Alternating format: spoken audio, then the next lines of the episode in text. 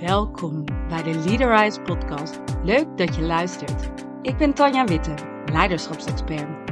En in deze podcast neem ik je mee in mijn wereld van lef, leiderschap en levenslust. Dit is de podcast voor jou als leider of ondernemer die een positieve impact maakt op deze wereld. Vol tips, inspiratie voor meer impact. Voel jij dat er meer is dan alleen resultaten behalen? En wil je zelf je pad creëren, meer positieve impact maken en genieten van een reis? Als je klaar bent om die volgende stap te zetten, dan is deze podcast voor jou. In dit tweede seizoen interview ik leiders en ondernemers met een missie.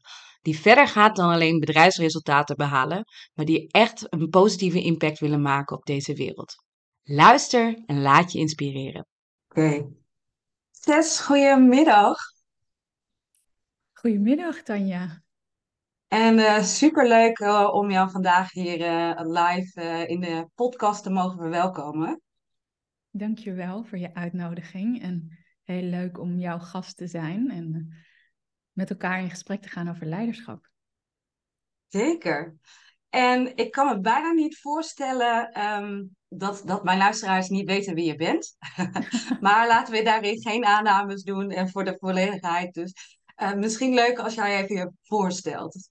Ja, nou, mijn naam is Tess en uh, ik ben uh, hartintelligentie-expert. Ik ben de eigenaar van End Heart. Ik heb een eigen model ontwikkeld. Dat heet het hartleiderschapmodel. En dat is dus wat ik doe en wie ik ben als het gaat over de rol die ik vervul in mijn werk, dan wel missie. En daarnaast ben ik ook iemand die haar hart volgt. Ik ben een free spirit, zou ik willen zeggen. Um, ik hou van vrijheid en ik heb een open mind, open mindset. Uh, en daarnaast ben ik ook vrouw in deze wereld, wat ik een belangrijke vind. Um, partner van mijn vriend Hein, ik ben zus, dochter uh, en vriendin van uh, een aantal belangrijke mensen in mijn leven. Mooi. Heleboel rollen hoorde ik al. En, en een van de woorden die je noemde, de free spirit. Wat, wat is dat precies voor jou? Ja, free spirit gaat voor mij heel erg over vrijheid, over je hart durven volgen en de status quo uitdagen. Want we hebben een wereld gecreëerd met elkaar waarin allerlei overtuigingen, normen een rol spelen. En voor mij gaat een free spirit zijn dus ook over heel erg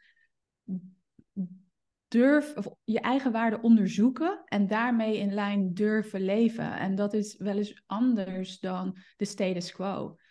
En free mhm. spirit gaat natuurlijk ook over energie. Hè? Een, een vrije energie hebben. En het, dus ook die energie durven volgen. Waar jouw hart van aangaat. Waar je hart sneller van gaat kloppen. Of misschien waar je vuur van aangaat. Dat is misschien net een andere metafoor die resoneert voor, voor verschillende mensen. Maar anyway, wat, wat gaat er in jou aan en hoe durf je dat te volgen? Misschien is dat ook wel mooi, ook in lijn met jouw impact scan, die ook zo gaat over leiderschap, maar ook dat levenslustsaspect dat daarbij komt kijken. Ja, mooi. Mooi ook wel hoe je die, die combinatie maakt, hè? want voor mij, free spirit, komen er meteen van die associaties. Een beetje de, de spirituele kant, zeg maar, de vrije vrouw die helemaal zichzelf durft te zijn en, en haar pad durft, durft te volgen. Um, en, en dat daar dus al meteen de, de, eigenlijk het leiderschap in zit, dat, dat je hem ook bewandelt dan. En dat je daar dus die andere stem durft te laten horen en, en dat je die rol dus ook heel bewust pakt. Ja, ja, en daarmee ook, omdat wanneer je dat doet, dan creëer je ook een ruimte voor anderen. Faciliteer je een ruimte voor mensen om jou heen. En of dat nou mensen in jouw team zijn, mensen dicht om je heen, in je gezin, in je familie, uh, in je vriendengroep, om ook datgene te doen. En ik geloof gewoon dat wanneer we veel meer vanuit onze waarden leven, vanuit onze waarden leiden, vanuit ons purpose leven en leiden, dat er zoveel meer mogelijk is, omdat we vanuit een andere energie komen. En nog even ingaand op wat jij zei, inderdaad, over dat stereotype van free spirit, misschien zo'n jurk. en een cirkel waarin mensen zitten mantra's te zingen. Uh, ja, dat is een associatie die, die er kan zijn. Voor mij gaat een free spirit gaat ook over een hoog bewustzijn hebben. En dus durven kijken als je boven jezelf of je eigen leven hangt of de wereld waar je onderdeel van bent. Van, wat zie je dan? Dus vanuit ja, dat perspectief reflecteren op wat er gebeurt. En vervolgens daarop ehm, acteren. Ja. ja, dus wel mooi, want zoals je nu, nu noemt, linkt u voor mij heel sterk aan leiderschap. Dus vrij kunnen zijn, afstand kunnen nemen van wat er gebeurt. Niet alleen in je omgeving, maar juist ook in jou, in je hoofd, je gedachten, je gevoel.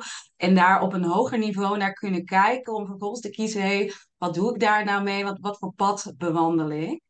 Um, ja, en, en daar dus de, de, de free spirit, dus, dus je niet conformeren aan uh, die status quo uh, durven zijn. Ja. Ja, ja, precies. Mooie samenvatting. En, en dus heel intentioneel, heel bewust keuzes maken. Hoe je reageert, hoe je jezelf laat zien. Of soms ook niet laat zien en wel present bent.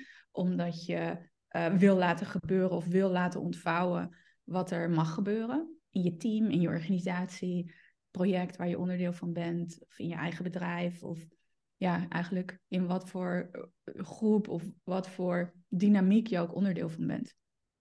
Ja, mooi.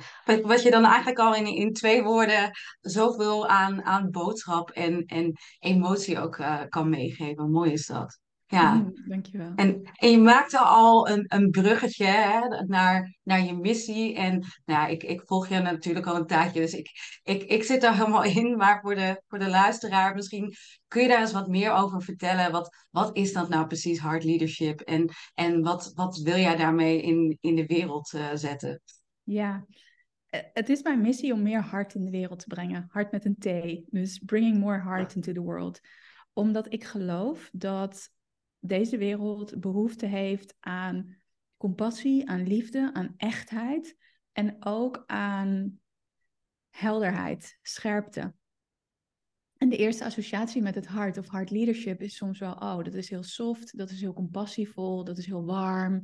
En sommige mensen krijgen daar meteen al een beetje uh, dat de nekharen omhoog gaan van hard leiderschap of hard leadership gaat ook juist over heel scherp durven zijn. Juist over benoemen wat er niet gezegd wordt. Uitspreken wat er niet gezegd wordt. Iedereen kent wel de zogenaamde pink elephant in the room. Dat die niet uitgesproken wordt. Terwijl iedereen weet, voelt, ervaart, ziet dat er een pink elephant in the room aanwezig is. En juist door contact te maken dan met je hart en de intelligentie van je hart, de kracht van je hart, dan zul je de moed vinden moet met een D, om ook daadwerkelijk die pink elephant uit te spreken. Op inderdaad een compassievolle, heldere, duidelijke manier. Want je wilt ook dat die boodschap aankomt. En wat er veel gebeurt in de wereld van nu, en dat weet ik ook vanuit mijn ervaring. Ik heb ruim tien jaar uh, als trainer, coach gewerkt. Altijd zelfstandig, maar in opdracht van veel verschillende bedrijven. En zo ben ik dus bij ziekenhuizen geweest, onderwijsinstellingen, grote banken, accountancykantoren, verzekeringsmaatschappijen. Echt van alles gezien in de jaren en met heel veel leiders gewerkt. En wat mij zo opviel, wat ik observeerde, dat zoveel mensen in hun hoofd zitten. En ook de dialoog met een ander vanuit het hoofd voeren. Waardoor het eigenlijk in heel veel gevallen een monoloog aan het worden is. Van de ene persoon en een monoloog van de ander. En dat juist die verbinding mist. En nu geloof ik dat het hart, ons hart, een plek is waar we verbinden. In eerste instantie met jezelf. En in tweede instantie ook met de mensen om je heen. En om echt te verbinden, wat volgens mij ook ongelooflijk belangrijk is in de wereld van nu, met zoveel veranderingen, zoveel snelle veranderingen, de opkomst van artificiële intelligentie, um, onzekerheid op allerlei verschillende gebieden. En dat raakt mensen, dat doet iets met mensen. En om dan vervolgens dus met jezelf die verbinding te vinden van hé, hey, wat doet dit met mij? Om ook het, het krachtige gesprek, het moedige gesprek, het echte gesprek met elkaar daarover te kunnen voeren. Dus een dialoog in plaats van een monoloog. Ja, ja ik, ik vind dat heel herkenbaar. Ik, ik loop zelf ook best veel rond in allerlei type bedrijven en omgevingen. En ah, vaak is de snelheid zo hoog dat als je dan hoort hoe mensen praten en alleen al door de gang lopen, dan zie je, joh, volgens mij maak jij helemaal niet de ruimte voor die reflectie en even bij jezelf in te checken. Is het bijna een soort van primaire of automatische reactie met, in mijn ogen vaak best wel wat mannelijke energie, waarin dat gevoelstuk heel weinig ruimte krijgt. En zelf heb ik ook wel het idee dat het soms, ondanks dat je leest er heel veel over dat leiderschap verandert, dienend leiderschap vrouwelijk veel belangrijker is. Maar als je toch kijkt in het heet van de strijd, in de discussies, dat, um, dat er toch vaak een soort van mannelijke energie verwacht wordt, omdat die wat meer zachte vrouwelijke energie, die veel meer over voelen gaat en een vertraging en het nadenken over dingen die je zegt en dingen benoemen, toch soms nog als, als soft gezien wordt. En, uh, en door sommige mensen helaas ook nog als zwakte, om, omdat ze dat niet kunnen plaatsen in die wat meer traditionele masculine omgeving. Ja, ja, dus ja herkenbaar. heel herkenbaar.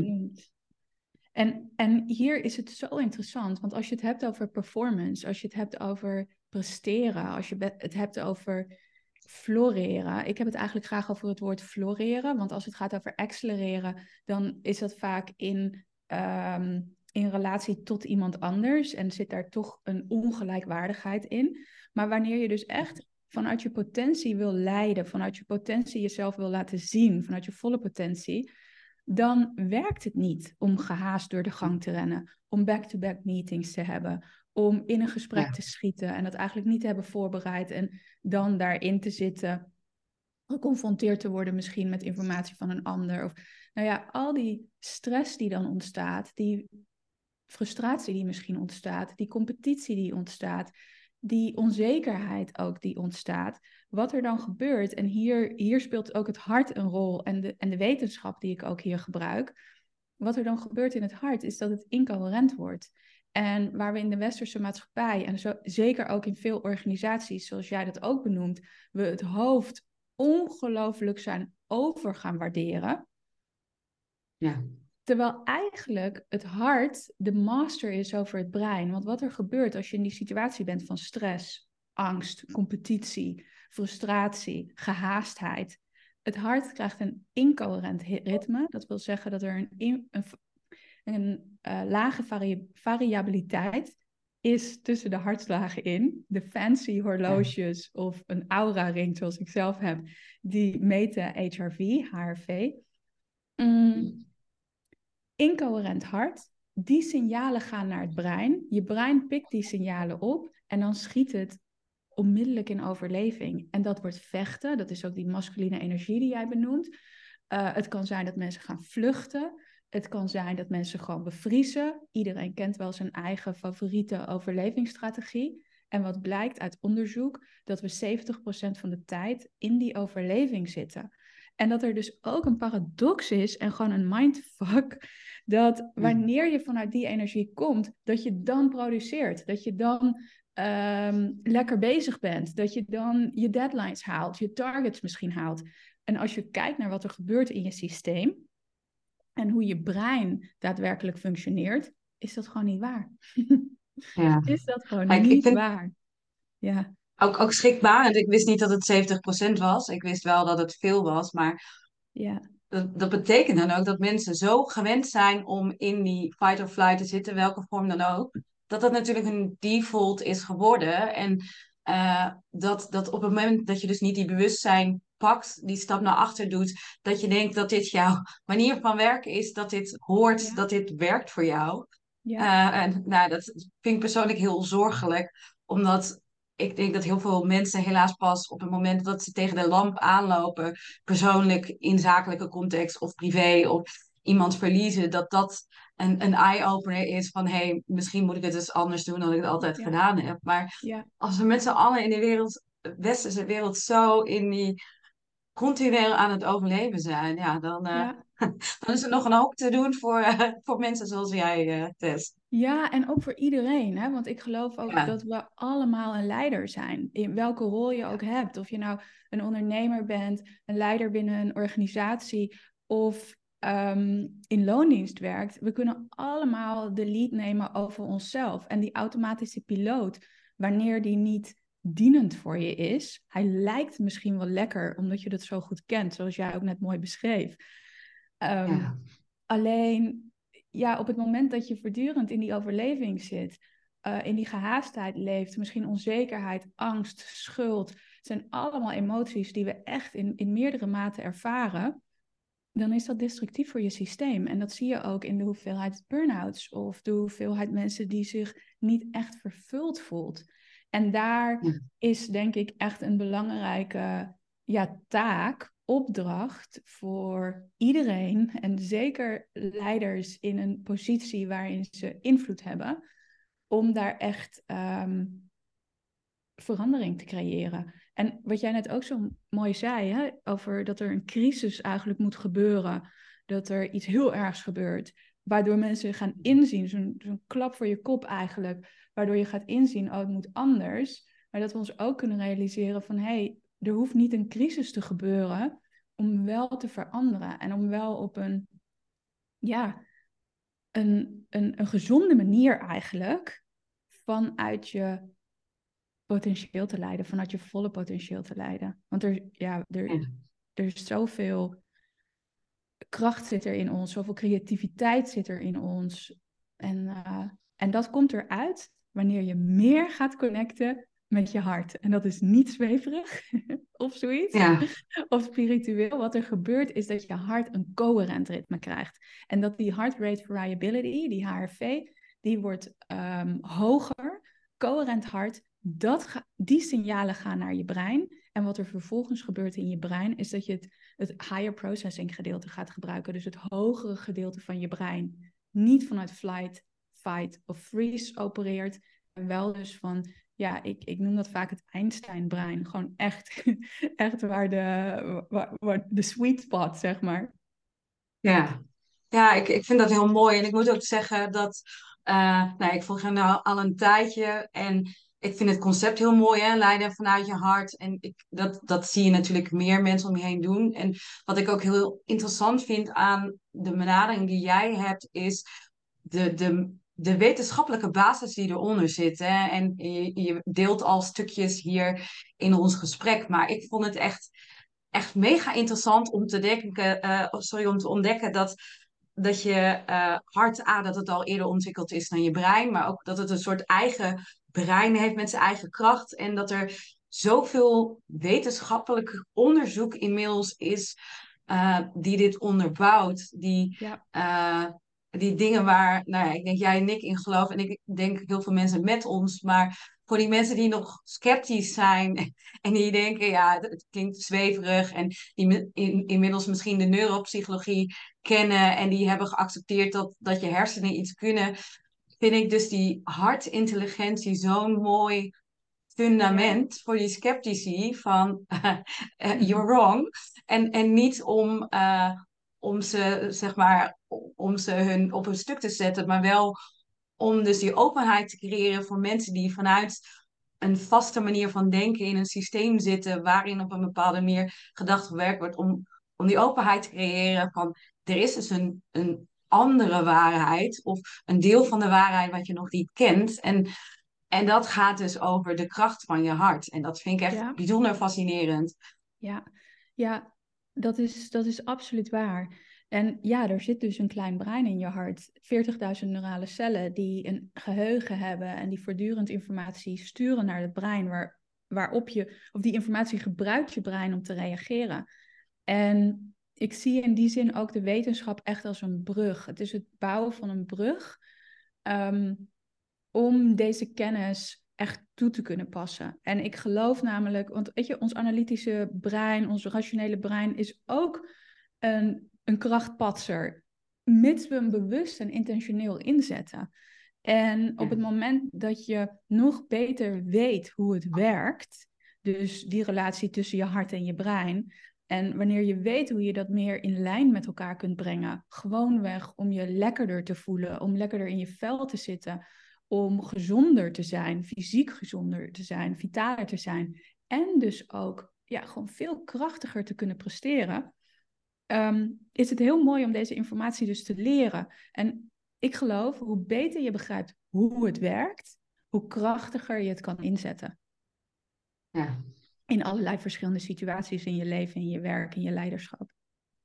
Ja, Ja, en het, het mooie daarvan ik, vind ik kracht klinkt heel vaak als vuur en uh, zeg maar soms ook, ook druk erop. Terwijl ik denk, de kracht die jij nu bedoelt, zo, zoals ik hem voel in ieder geval, is veel meer van binnenuit. Uh, zonder een, een soort krant erop, maar gewoon vanuit een diep weten, diep voelen, jouw waarheid delen, daar blijven staan, heel authentiek daarin zijn. Ook omdat je je niet meer laat bewegen door uh, andere visies, manieren van werken. En, en daarmee een heel ander soort kracht.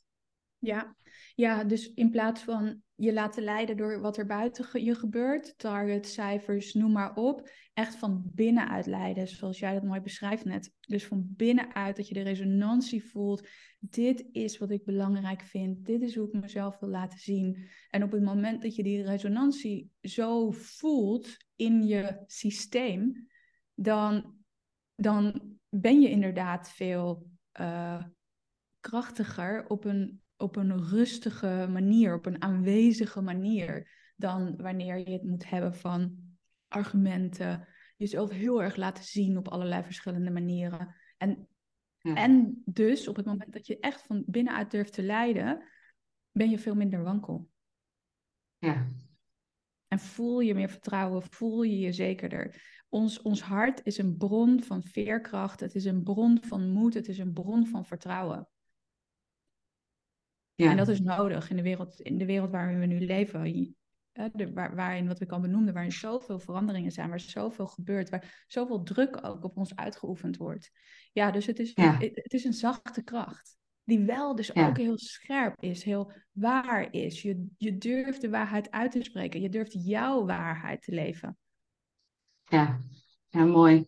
Ja, het is grappig. Je gebruikt de woorden zachte kracht. Ik zet altijd begin van het jaar intenties voor mezelf. Wat, wat wil ik centraal stellen? En ik had letterlijk voor mezelf zachte kracht opgeschreven. Mm. Om echt te zorgen dat uh, met mijn eigen business, maar ook daaromheen heel erg vanuit mezelf. Dus, dus heel, heel veel dingen die je noemt, die, nee, die voor mij in ieder geval heel herkenbaar. En uh, ja, voor mezelf, maar ook, ook dat ik zie, het is zo nodig om ons heen. Want ik denk dat een, een deel van de mensen op het pad zijn, maar nog zoekende hoe ik denk dat er een, een deel van de mensen zijn die, die denken, hé, hey, dit wil ik niet meer, maar wat dan wel? En ik denk dat er toch ook nog een heel groot deel uh, eigenlijk nog vastzit in die red race. En uh, die nog aan het rennen is en dat stuk bewustzijn nog helemaal niet ervaart. Ja, ja en die red race, dat is die automatische piloot, hè, waar we ook echt verslaafd aan kunnen raken. Want er, ik vind zo'n chemische reactie in je lichaam plaats als je voortdurend dingen aftikt of to-do's aftikt of mm, back-to-back meetings hebt of weer een project uh, afrondt of bepaalde targets haalt. En ja, die verslaving die kan zo krachtig zijn dat je maar blijft doorrennen. En, uh, en dat is ook waarom ik een, een boek heb geschreven over hardleiderschap en ja, hoe, je, hoe je dat kan toepassen. En met name dus ook die wetenschap erachter, om daar meer inzicht in te krijgen van, oh ja, hoe werkt dat dan? Hoe werkt dat eigenlijk met het hart? En waarom is dat krachtig? Wat maakt dat dat zorgt voor veerkracht? Ja. En, en dat boek, hè, want uh, ik, ik weet, begin volgend jaar dacht ik dat het uitkomt, toch? Ja, het dacht is nu ik, bij de redacteur. Ja, ja, en begin, begin, januari, of begin, in janu begin 2024 eind januari komt het uit. Oké, en, en wordt het een, een boek, want ik weet dat het over hartintelligentie gaat en, en een, over jouw benadering natuurlijk. Ehm, is, is het qua inzet iets wat heel erg inspirerend is? Uh, of is het juist misschien en ook praktisch voor een ieder die leest en op zoek is naar wat tools om daar meer mee aan de slag te gaan? Wat, wat voor strekkingen uh, wordt het ongeveer? Ik zou zeggen beide, ja. Het is um, hard leiderschap. Dus het is een handboek in hard leiderschap. En je leert over de wetenschap daarachter. Vanuit ook die visie die ik heb. Als je begrijpt hoe het werkt, dan kan je het nog krachtiger inzetten. Kan je het nog intentioneler inzetten. Uh, ik deel over eigen ervaringen. Ik deel over ervaringen van mensen met wie ik gewerkt heb. En je kan er inderdaad ook tools in vinden om het meteen in je eigen praktijk te brengen. Dus het is echt een handboek in hard leiderschap. Ja, ja mooi. Nou, straks uh, alle, alle luisteraars, alle lezers uh, kopen dat boek, zou ik zeggen. Yes, ja, je kan jezelf al op de lijst voor de pre-orders uh, zetten. Ja. Kijk. Nou, aan, aan het eind zal ik nog even zorgen dat we wat linkjes delen, dat we mensen, mensen dat kunnen vinden. Um, ik was wel nieuwsgierig, want je zei in het, in het boek gaat het ook over je eigen ervaringen. En um, wat je tot nu toe gedeeld hebt in relatie ook tot je missie, is wat je gezien hebt, onder andere in het bedrijfsleven, meer, meer de zakelijke kant. Maar ik ben wel nieuwsgierig in jouw eigen levensreis tot nu toe. Um, of, of daar ook elementen zijn geweest die, die hebben bijgedragen aan die missie. Of dat je zegt van nou, het is echt met name ontstaan uit, uit die zakelijke ervaring. Ja, enerzijds dus wat ik geobserveerd heb in mijn, in mijn professionele leven. En anderzijds merkte ik ook dat ik zelf ook soms uit contact was met mijn, met mijn hart. En dat is voor mij ook nog steeds een uitdaging in de wereld waarin we leven. En waar je zo getriggerd kan worden om meer in je hoofd te zitten en in, in, uh, in de analyse te raken. Dus voor mij is dat ook nog steeds iets wat ik echt elke dag praktiseer. In de zin van, oh ja, contact met mijn hart, contact met wat er werkelijk leeft in mijn hart. Hoe breng ik mijn hart in coherentie? Ehm, en er zijn dus ook, als ik terugkijk, dat ik gewoon ook zie van, oh ja, daar vluchtte ik. Hè? Of dat kon zijn in heel veel werken. Er is ook een periode geweest toen ik meer uh, jonger was, waarin ik heel veel ging feesten. En dus allerlei manieren eigenlijk had om, om niet echt bij mezelf te zijn. Um, En toen is er, dit, dit is een belangrijk moment geweest in mijn missie. En ook um, hoe ik het voor mezelf ben gaan leven. In 2018 was ik deelnemer in een heel groot leiderschapsprogramma, internationaal leiderschapsprogramma. Om nog meer te leren over mijn eigen authentieke leiderschap. Nog meer daarin ook echt te stappen. En, um, maar in die tijd was ik eigenlijk ook in een hele drukke periode. Ik deed allerlei verschillende projecten bij verschillende organisaties. Eén project werd op, on hold gezet en dat, daardoor schoot ik best wel in de stress. En door allerlei verschillende redenen. En toen ben ik heel hard gevallen met mountainbiken. En dat was echt een behoorlijke crash in de duinen bij uh, Bergen in Noord-Holland. Uh, was even bewusteloos, ambulance moest er voorbij komen. En dat was dus ook zo'n moment, eigenlijk wat we waar we het eerder ook over hadden. Zo'n zo'n nou, bij mij was het bijna letterlijk een klap op mijn kop. Want ik viel, ja. uh, schoot over de kop met mijn hoofd uh, op de grond, even bewusteloos. En dat is voor mij echt letterlijk en figuurlijk ook een wake-up call geweest van... hey, ik mag echt ook uit mijn eigen kop komen en landen in mijn hart. En dat is ook het moment geweest, niet veel later, een paar weken ach, na die val, ja, kreeg ik als het ware echt een boodschap. Hey Tess, it's your mission to bring more heart into the world. En ik wist meteen, ook in lijn met wat ik al aan het onderzoeken was, professioneel gezien dan wel persoonlijk gezien, yes, dat is, mijn, dat, dat is het. En ja. niet veel daar uh, later las ik in een boek, een heel mooi boek van um, Presence heet het, van Otto Scharmer, ook van Theory U. En daar schreef ja. hij over hartintelligentie. En toen ontdekte ik dat er een hele wetenschap is over de kracht van het hart, over de intelligentie van het hart. En dat er een onderzoeksinstituut is in Amerika, wat al sinds begin jaren negentig wetenschappelijk onderzoek doet naar het hart. Uh, en dat vond ik zo waanzinnig. En toen dacht ik ook van, hé, hey, hier, het was alsof al die puzzelstukjes zo bij elkaar kwamen. En ja. ik kreeg ook echt, ik weet nog dat ik dat boek las, dat ik echt kippenvel kreeg van, oh ja, this is it. En toen is vanaf 2018 ben ik dat pad dus echt ja, gaan volgen. Naar Amerika gegaan, een training gedaan bij HeartMath Institute in Californië.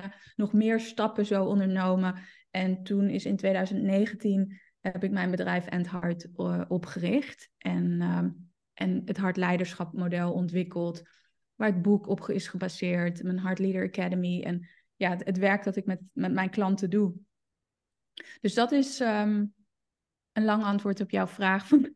hoe, is dat, hoe is dat zo gegaan? Maar daar zit dus zeker ook een persoonlijk aandeel in. Dat ik gewoon merkte bij mezelf ja. van... hé, hey, maar ik ben soms ook verwijderd van mezelf. En, en wat is dan jezelf? Ja, je waarde, je missie, je purpose. Waar doe je het voor? Um, en dat is waar ik voor sta. Leading from the inside out. Leiden van binnenuit. En ik geloof ook dat wanneer we dat dus met z'n allen veel meer gaan doen, dat de hele wereld gewoon een veel inspirer inspirerendere, meer geïnspireerde plek is. Ja, ja mooi. Ja, dus zeg nu, hè, dus dat, dat moment was er in 2018 niveau waarin dat eigenlijk echt een, een, een stroomversnelling heeft gemaakt. En, en in hoeverre was je hiervoor al mee, mee bezig? Want het klinkt nu bijna alsof dat het punt was. Uh, maar als ik door jou, jouw podcast heen luister, uh, dan denk ik dat, dat volgens mij die reis al veel eerder is begin, begonnen. Uh, maar dan misschien niet met, met de hartintelligentie of dit kader. Ja. Hoe, hoe zie je dat zelf? Nou, dan zou ik eigenlijk zeggen dat het een lifelong journey is, die ook niet meer, niet meer stopt. ja. Um, want ja, er zijn heel veel momenten geweest eigenlijk in mijn leven als ik terugkijk, ook al als kind of als, um, ja, toen ik naar de middelbare school ging, hoe oud was ik toen? 11, 12 jaar. Daar koos ik bijvoorbeeld ook voor een school waar niemand van mijn, van mijn lagere school naartoe ging. Maar ik wilde daar naartoe omdat het een school in een bos was. En je kon daar eindexamen doen in vaardigheid en tekenen en, en creatieve uh, vakken. En ik wist gewoon, daar wil ik naartoe. En dat was best wel spannend, want ik moest ver reizen voor die school. En zo zijn er nog meer momenten geweest in mijn leven, als ik daarop terugkijk, dat ik denk van, oh ja, daar volgde ik echt mijn hart. En mijn, ik zou willen zeggen dat echt mijn um, meer bewuste soul journey, of hoe je dat wilt noemen, is gestart zo eind twintig. Dat ik daar echt bewust mee, mee aan de gang ging. Ik heb psychologie gestudeerd, dus daar ben ik ook al dingen over mezelf tegengekomen. Uh, zeker over bepaalde vakken die ik deed. Ik heb Master Training and Development gedaan, waar je ook al ja, begin twintiger jaren heel erg naar jezelf ging kijken. Maar meer bewust, eind twintig, misschien rond de dertig. Um, ja, en dat ik ook meer gericht ging kijken naar van, hé, hey, wat is nou eigenlijk mijn missie? Weet je, waarom, waarom ben ik hier en hoe wil ik dat in mijn professionele leven naar voren laten komen? Ja. Nou, mooi ook dat je beschrijft dat eigenlijk al op je 11, 12 dat je zo je hart aan het volgen was. Ja. En ik, als ik dan naar mezelf kijk, dan denk ik dat ik dat vroeger redelijk goed kon. Dat ik dat op een gegeven moment dicht heb gezet vanwege allerlei overtuigingen, systemen. En, en dat, dat op een gegeven moment er een punt kwam uh, dat ik dacht, hé, hey, ik, ik ben het kwijtgeraakt, die verbinding. Die was er ooit, maar ik, ik wil het weer, weer terug. En, en toen die reis naar binnen ben gaan maken en vervolgens ook eh, de, de reis naar buiten om andere mensen te helpen die connectie te maken. Maar heb jij ook gehad, is, is er een moment geweest bij jou waar je dacht, hé, hey, nou was dat verbroken? Uh, of, of minder aanwezig in de keuzes die je maakte? Of heb je het idee dat in die lifelong journey, zoals je dat noemt, eigenlijk altijd wel op de cruciale momenten je daar je hart in hebt kunnen en durven volgen? Ja, mooie vraag. Nee, er zijn zeker momenten geweest, dat is in mijn twintiger jaren geweest, waar ik echt heel hard bezig was om, um, om mezelf te verdoven op allerlei verschillende manieren. Um, ik heb een tijd in New York gewoond, wat een hele uh, individualistische stad is. Geweldige stad, geweldige vibe, geweldige energie. En waar ik, als ik terugkijk, ja, waar ik eigenlijk ook zo van mezelf verwijderd was. En ja, dan sportte ik bijvoorbeeld heel veel, at ik heel weinig, ook om aan een bepaald beeld te voldoen. Um, nou, ik noemde net ook al, het is een paar jaar later geweest dat ik heel veel uitging. Dus ook continu ehm, het uitgaansleven opzocht of sociale activiteiten. En ehm, ja, als ik daar dus terugkijk, waren dat echt jaren waarin ik uh, mezelf verdoofde of aan het vluchten was. En, en toen ik zo dertig werd en de jaren daarna is dat, uh, is dat helemaal veranderd. En ehm, en ik denk dat iedereen dat ook wel, dat je, wel herkent. Weet je, wat, wat zijn in je leven momenten geweest dat je probeerde te vluchten? En ik heb ook het gevoel voor mezelf dat mijn twintiger jaren, daar was ik ook zo op zoek naar mijn eigen identiteit. Ehm, in deze wereld, maar dat ik het ook af en toe niet meer wist. En gewoon. Ja. Er is een quote van Marianne Williamson en dat, die gaat over dat we niet zo bang zijn voor het donker in ons. Alleen dat we veel meer angst hebben om echt in ons licht en echt in onze kracht te gaan staan. En als ik terugkijk, heb ik heel erg het gevoel dat dat in mijn twintiger jaren heel erg aan de hand was. Dat ik eigenlijk allerlei dingen deed om bij die lichtheid, bij die kracht weg te gaan.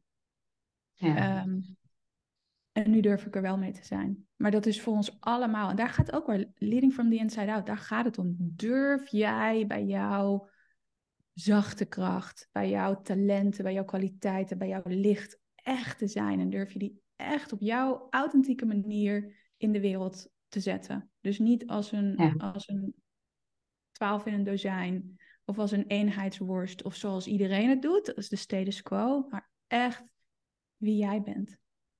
Ja, ja mooi.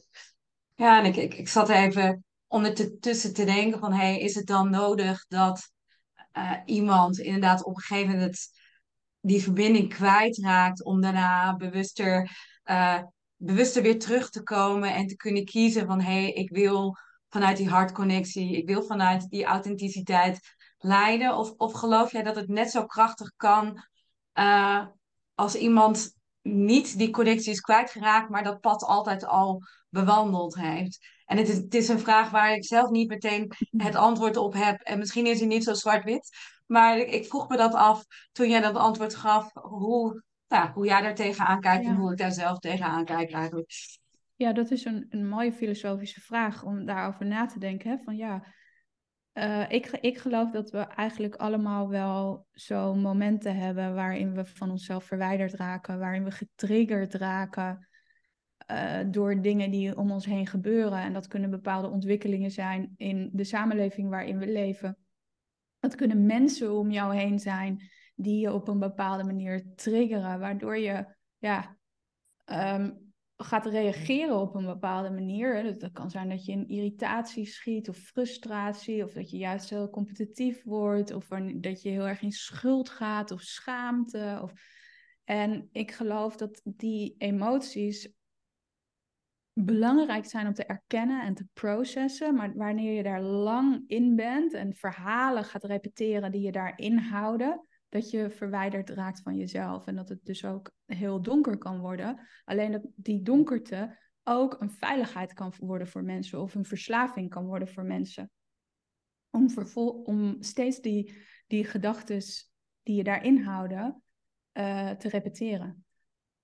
Mm, ja. Dus ja, ik, ik denk eigenlijk dat iedereen wel momenten in zijn of haar leven heeft waarin je die, die verwijdering of het in die donker, donker te zijn ehm, heeft of herkent. En, en dat is ook niet erg, want je leert er heel erg veel van. Je leert vooral vaak ook wat je niet wil, of wat niet goed voelt, of wat dissonant is.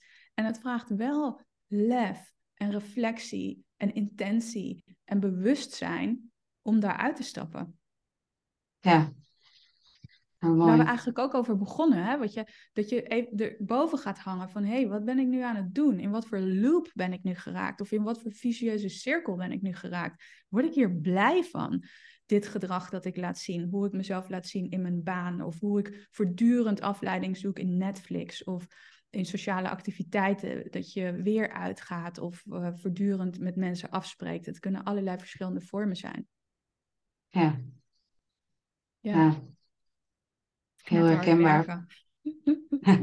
ik hou heel erg van werken. Ook. Ik hou van mijn werk. En, eh, Maar daar kan ik me ook gewoon in verliezen. Ik moet mezelf echt halt toeroepen. En sporten, noemde jij net, hè? Ja, kan er ook echt ja. Ik heb als, toen ik in New York woonde, ik, ik was als een malle aan het sporten. Ik deed twee spinningklassen achter elkaar.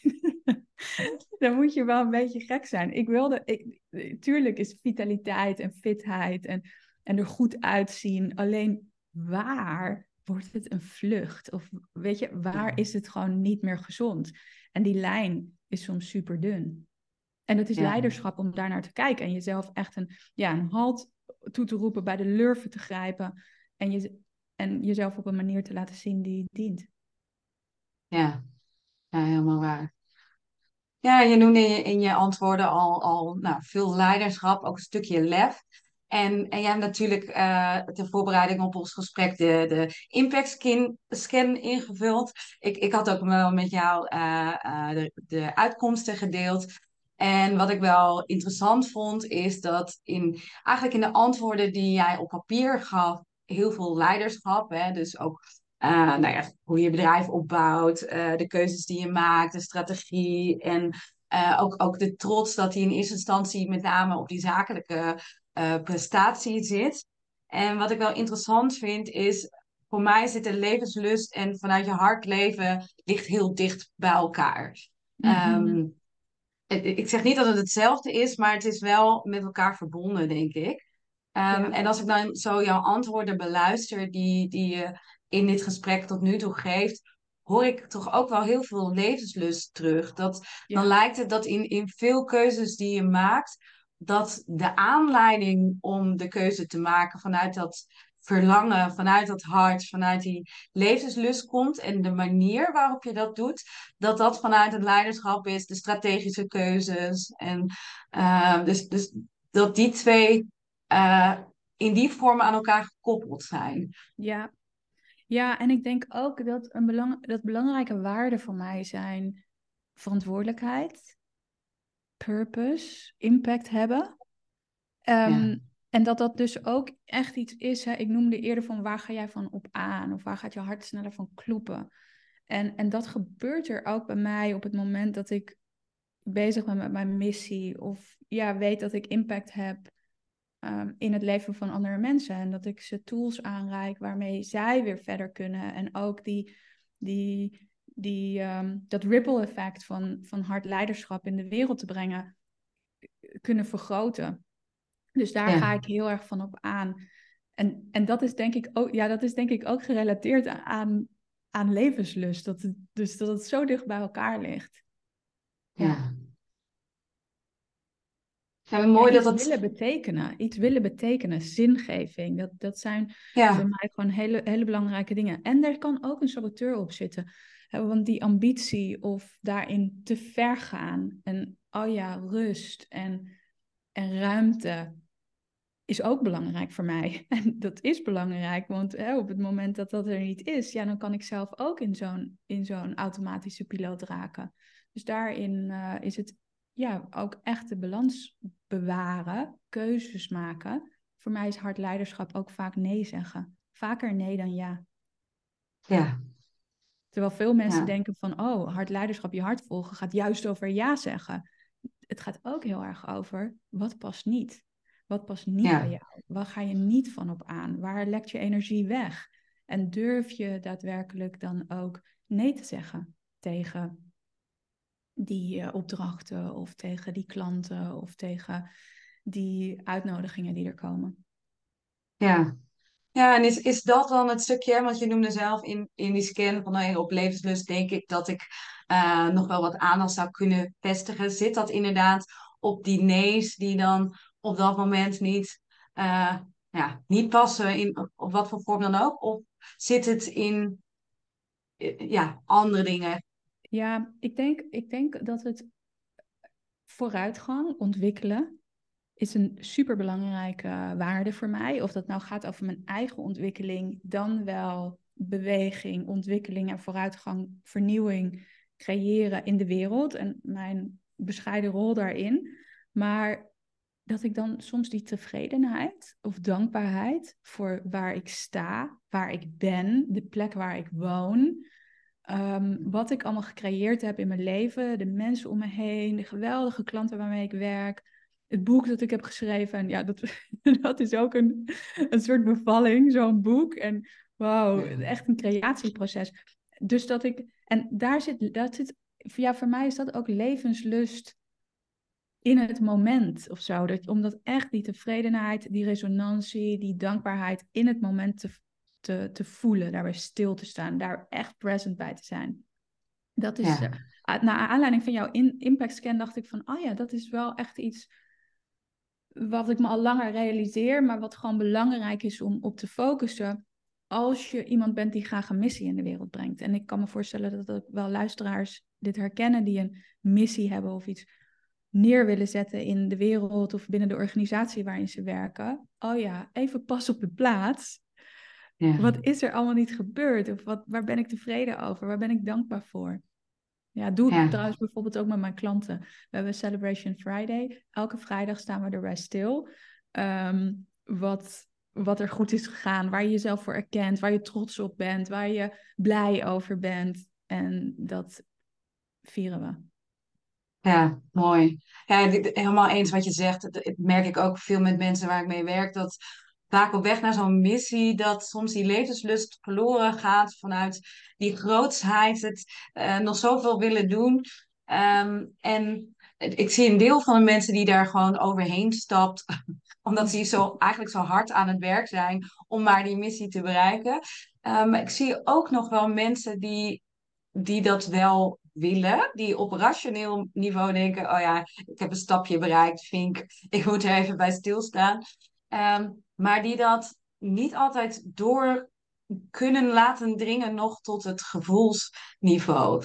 En mhm. misschien heb jij wel een tip voor mensen als je zegt, joh, uh, als, als dat voor jou geldt, hè, dus als je in die bewustzijnsreis al wel bezig bent, maar het lukt je nog niet om echt die voldoening, die zingeving, die tos te voelen, uh, heb je dan een tip die jij misschien met jou, jouw klanten wel eens deelt, uh, om dat meer te, te gaan voelen? Echt? Ja, en echt te ervaren. Ja, dat is, dat is eigenlijk waar hartintelligentie of hartcoherentie over gaat. Want we ervaren emoties in ons hart. En soms zijn we heel erg bezig met uh, gedachten die je tevreden kunnen laten zijn of dankbaar kunnen laten zijn. En we kunnen heel hard denken ergens over. Alleen denken brengt je niet in die hartcoherentie. Dat heeft echt met de ervaring te maken.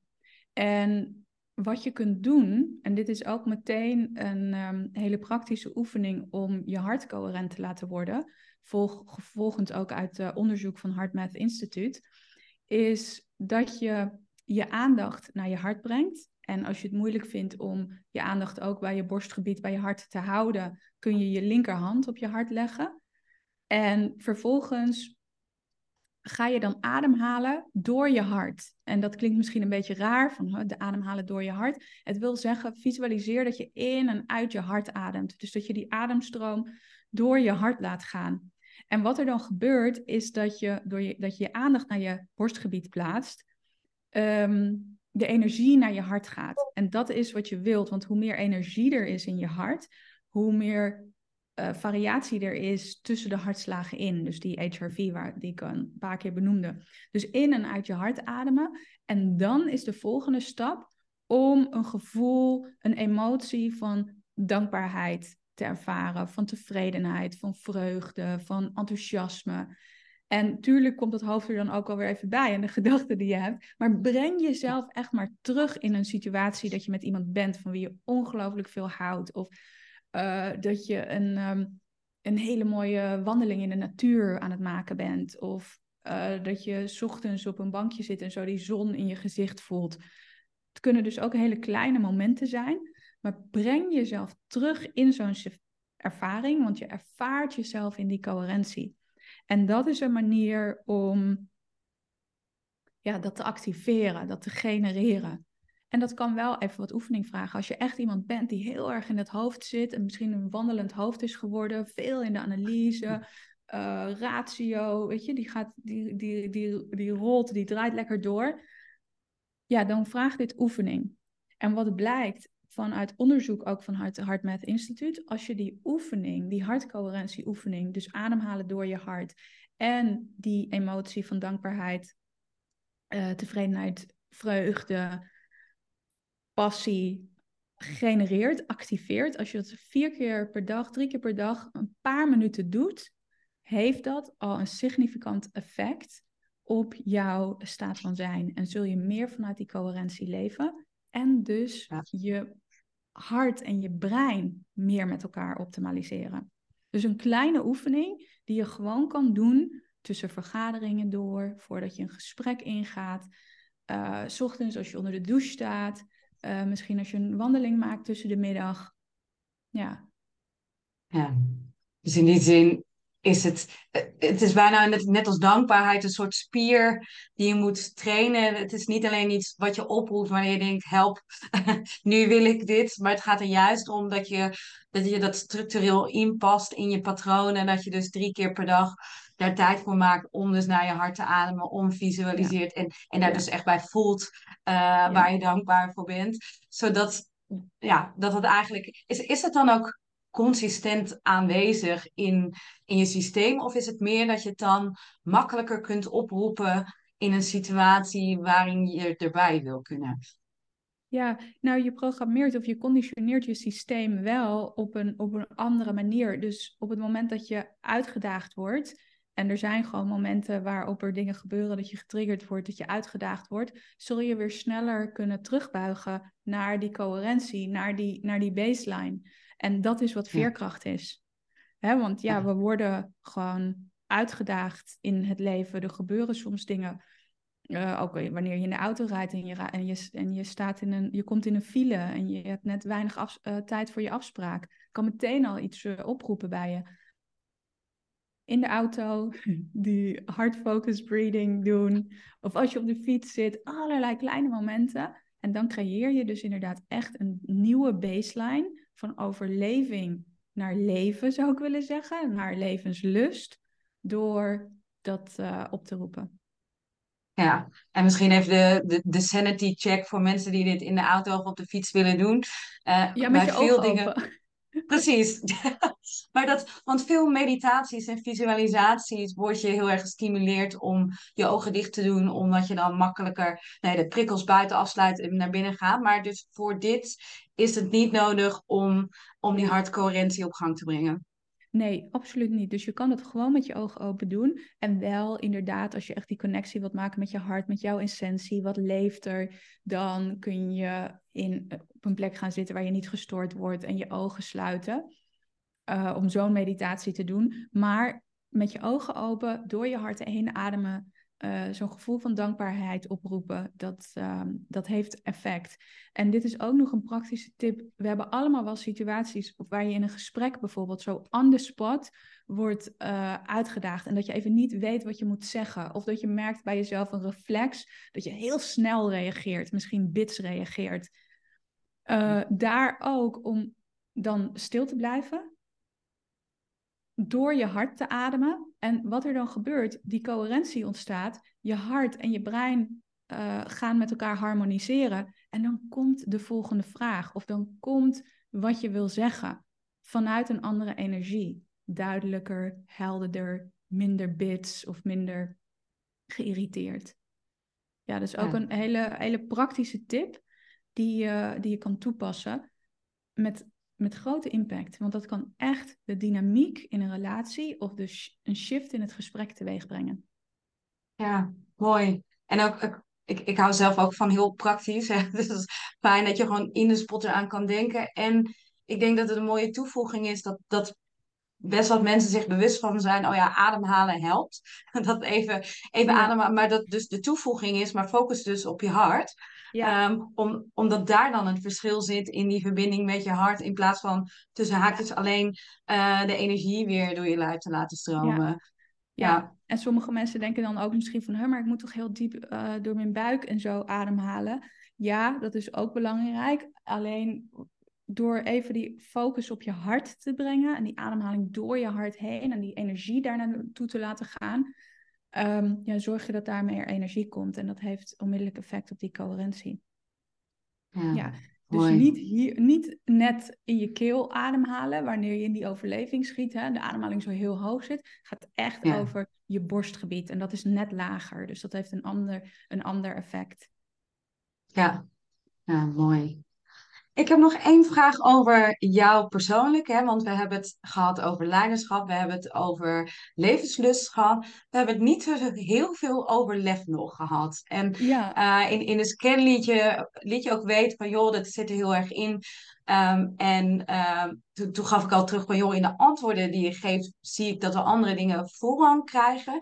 En dat is eigenlijk wat ik hier in het gesprek proef ook een beetje. Het is niet dat ik het niet terughoor, maar het lijkt alsof het ja of zo vanzelfsprekend is uh, dat je niet eens benoemt. Of dat als je moet kiezen tussen die drie, dat de, de andere twee uh, een, een leidende rol daarin nemen. Hoe, hoe zie jij dat? Nou, ik vind mezelf echt een, uh, iemand die heel veel lef heeft. dus misschien is het wel vanzelfsprekend. Maar ik ben eigenlijk dan wel benieuwd, wat versta jij onder lef? Wat, wat zie jij onder dat concept, of die eigenschap? Ja, dus, dus ik, ik hoor het wel terug hè, in, in de woorden. Dus de status quo uitdagen, uh, um, je eigen pad kiezen. Um, heel erg denk ik ook, ook de, de groei opzoeken, het ongemak opzoeken. Um, ja, dus, dus in die zin eh, steeds verder willen en, en, ook, ook naar de rol naar anderen. en ik denk dat ik hem zo specifiek benoem is meer vanuit welk startpunt begin je? En ik, ik heb het idee dat, uh, dat het startpunt bij jou anders is. Dus dat het startpunt van jou vaak uh, levenslust is geweest, zoals bijvoorbeeld die school. Um, maar dat het vervolgens wel leiderschap en lef vraagt om dat te doen. Als in, ik ken niet zoveel kinderen die op hun elfde zeggen: joh, ik wil in mijn eentje eh, naar een school in het bos waar ik niemand hm. ken, omdat ze vak X hebben. Uh, ja. ja. dat vind ik wel van lef getuigen. Alleen dat klinkt alsof het een soort van logisch gevolg bijna is van het volgen van je hart en de keuzes daarin. Dat om daar te komen dat het lef is. Terwijl wat ik bij sommige mensen merk, als het meer dicht tegen leiderschap aan zit, ehm, dat het bijna een soort van pushje wordt van, oh ja, ik moet naar, naar die volgende stap. En ook vanuit die missie soms, ik wil daar zo graag komen. Oh ja, dan moet ik nu dit meer een beetje push bijna. Ja. Ehm, en, en dan zit er een hele andere energie aangekoppeld. Ja, ja ik denk, courage is natuurlijk ook, hè, lef in het Engels is, ehm, of moed, met een D. Um, komt van het, van het woord hart, komt van het Franse woord cœur. En dan core, C-O-R, uh, het Latijnse woord telling one's truth. Of, dat gaat natuurlijk ook over je eigen waarheid volgen. En ik denk eigenlijk dat het met me, bij mij om met lef te leven, misschien wel met de paplepel is ingegoten. Mijn ouders die zijn bijvoorbeeld ook in de jaren tachtig, toen ik jong was, met twee kleine kinderen naar Afrika gegaan om hun uh, droom te volgen. We hebben daar twee jaar gewoond. Mm, ik met die schoolkeuze. Dus er zijn zoveel keuzes die ik heb gemaakt in mijn leven. Ik heb bijvoorbeeld zes maanden in mijn hele leven in loondienst gewerkt. Ik uh, kwam er al snel achter dat het zelfstandige leven mij beter bevalt. En ben bijvoorbeeld ook een keer naar Australië gegaan zonder plan. En toen zat ik daar, uh, ik kwam daar aan. Toen dacht ik, oh ja, wat ga ik nu doen? Toen was ik volgens mij 25, 25. Um, en ook in hoe ik mijn business leid. Ja, ik denk dat, dat ik daarin veel moedige keuzes maak. Wat is dan moed?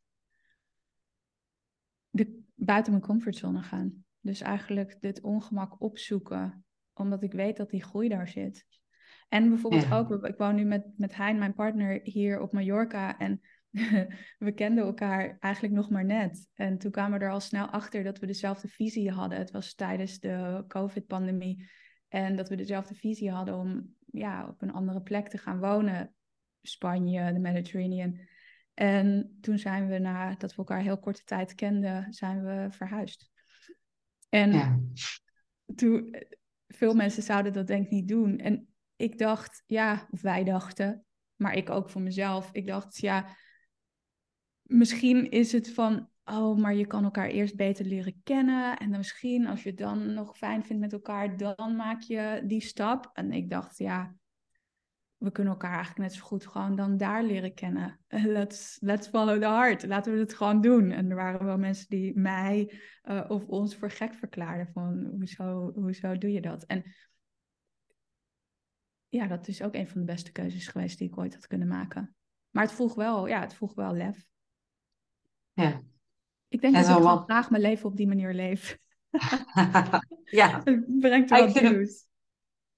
Nou, ik vind het wel mooi. Je noemt ook in een nutshell even een hele reeks aan events waar ik denk inderdaad dat een heleboel lef voor nodig is. En, en illustreer daarbij inderdaad dat het volgens mij zo'n fundament is in wie jij bent en de keuzes die je maakt, dat, dat, uh, dat, dat je het niet eens meer uitspreekt, omdat dat zo'n onlosmakelijk gevolg is van je hart volgen. En, en voor mij dus ook zo congruent in, in wat jij laat zien aan, aan de wereld en, en more hard in de wereld zetten, maar dat je dat zelf ook leeft, dat, dat vind ik echt heel, heel mooi om dat uh, te zien. Dankjewel. En dat is, dankjewel dat je dat zegt, want dat is wel ook echt een van mijn waarden. Leading by example, walking your talk. Dus er zijn zoveel mensen die dingen zeggen, alleen het niet altijd doen of het niet altijd uitstralen, het niet altijd voorleven. En ik geloof dat dat heel belangrijk is, leading by example. En dat is wat mij betreft ook echt onderdeel van leiderschap, onderdeel van hartleiderschap, om uit te dragen waar je in gelooft uit te dragen wat je zegt. Ja, helemaal mee eens. Hm. Ja. Is er nog iets, Tess, wat ik jou in dit gesprek niet gevraagd heb, maar wat nog wel belangrijk is om met de luisteraars of kijkers misschien wel te delen om een goed beeld van jou, uh, van, van jouw missie, van hard leadership te krijgen, wat, wat je nog mee zou willen geven? Ja, dit is een hele goede vraag. Ehm, ik denk eigenlijk dat we alles belicht hebben. Ik heb over mijn persoonlijke reis verteld hè, en de aanleiding waarom ik mijn bedrijf End Heart heb, uh, heb gestart. Misschien is het wel mooi voor mensen om te weten dat ik leid retreats hier op Mallorca. Uh, zijn nu even on hold, omdat ik met wat andere dingen bezig ben en ook een nieuwe plek aan het zoeken ben. Maar dat is een uh, hele mooie gelegenheid ook om hard leiderschap meer te ervaren. Mijn boek komt natuurlijk uit in januari van het nieuwe jaar. Dus als je daar meer over wilt lezen. En de Heart Leader Academy is uh, mijn online academy. En dat is eigenlijk de meest toegankelijke manier om te leren over hartleiderschap en het ook te ervaren en het in te zetten in, in je eigen werk, in je eigen leven, in je eigen leiderschap dat is misschien een mooie toevoeging voor mensen van, oh ja, hoe, hoe kan ik hier meer over leren of waar kan ik meer informatie daarover vinden? Ja, en om dan maar meteen concreet te maken, waar, waar kunnen ze die informatie dan vinden? Op www.endheart.co. Dat is mijn website en daar, daar vind je heel veel informatie. En je kunt me ook uh, volgen op Instagram, uh, uh, of op LinkedIn opzoeken. En uh, vind ik het ook altijd leuk om, uh, om te horen wat je van dit podcast-interview van mij en Tanja uh, vond. Of dat het een inzicht heeft opgeleverd. Dus stuur me vooral een DM, ben ik altijd nieuwsgierig naar. Ja, superleuk. En, en voor de oplettende luisteraar, het is dus niet com, maar co. Ja, dus co. Goed opletten, anders dan kom je wellicht niet bij de, de juiste persoon terecht. Is, is er nog iets wat je wil, wil meegeven anders dan de tips die je al gegeven hebt aan de luisteraar? Eerste wat nu in me opkomt, weet, je hart fluistert. Je hart is niet een schreeuwende stem. Dat is je saboterende mind. Uh, die wil heel graag gehoord worden. Daarom is hij ook zo luid, duidelijk. En houdt hij je ook in die overleving, of misschien in een visieuze cirkel die niet dienend is voor jou. Dus creëer ruimte, creëer stilte voor jezelf om die fluisterende stem van je hart te horen. Want er zit ongelooflijk veel wijsheid, intelligentie en een diep weten in.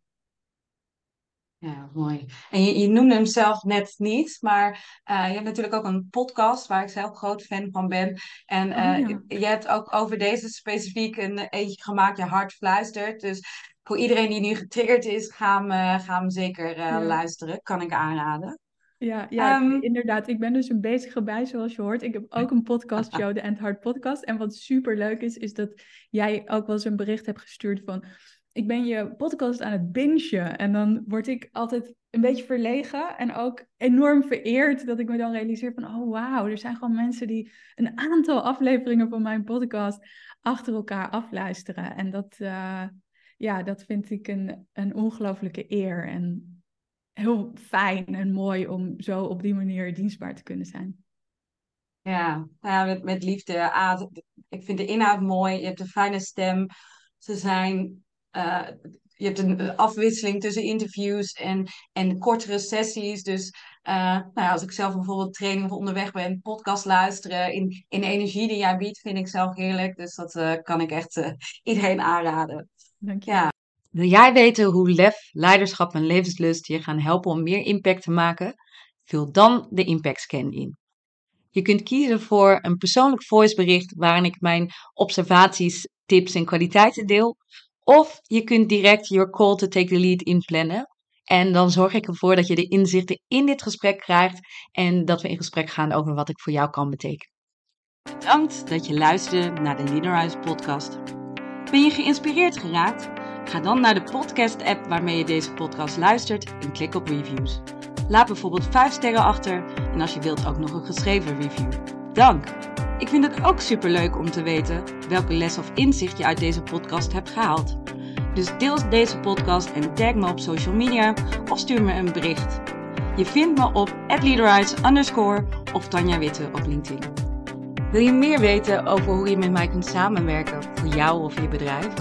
Ga dan naar www.leaderize.nl of plan direct your call to take the lead via de link in bio. Ik kijk er naar uit om met je in gesprek te gaan. Tot de volgende aflevering. Give rise to the leader in you. Bedankt dat je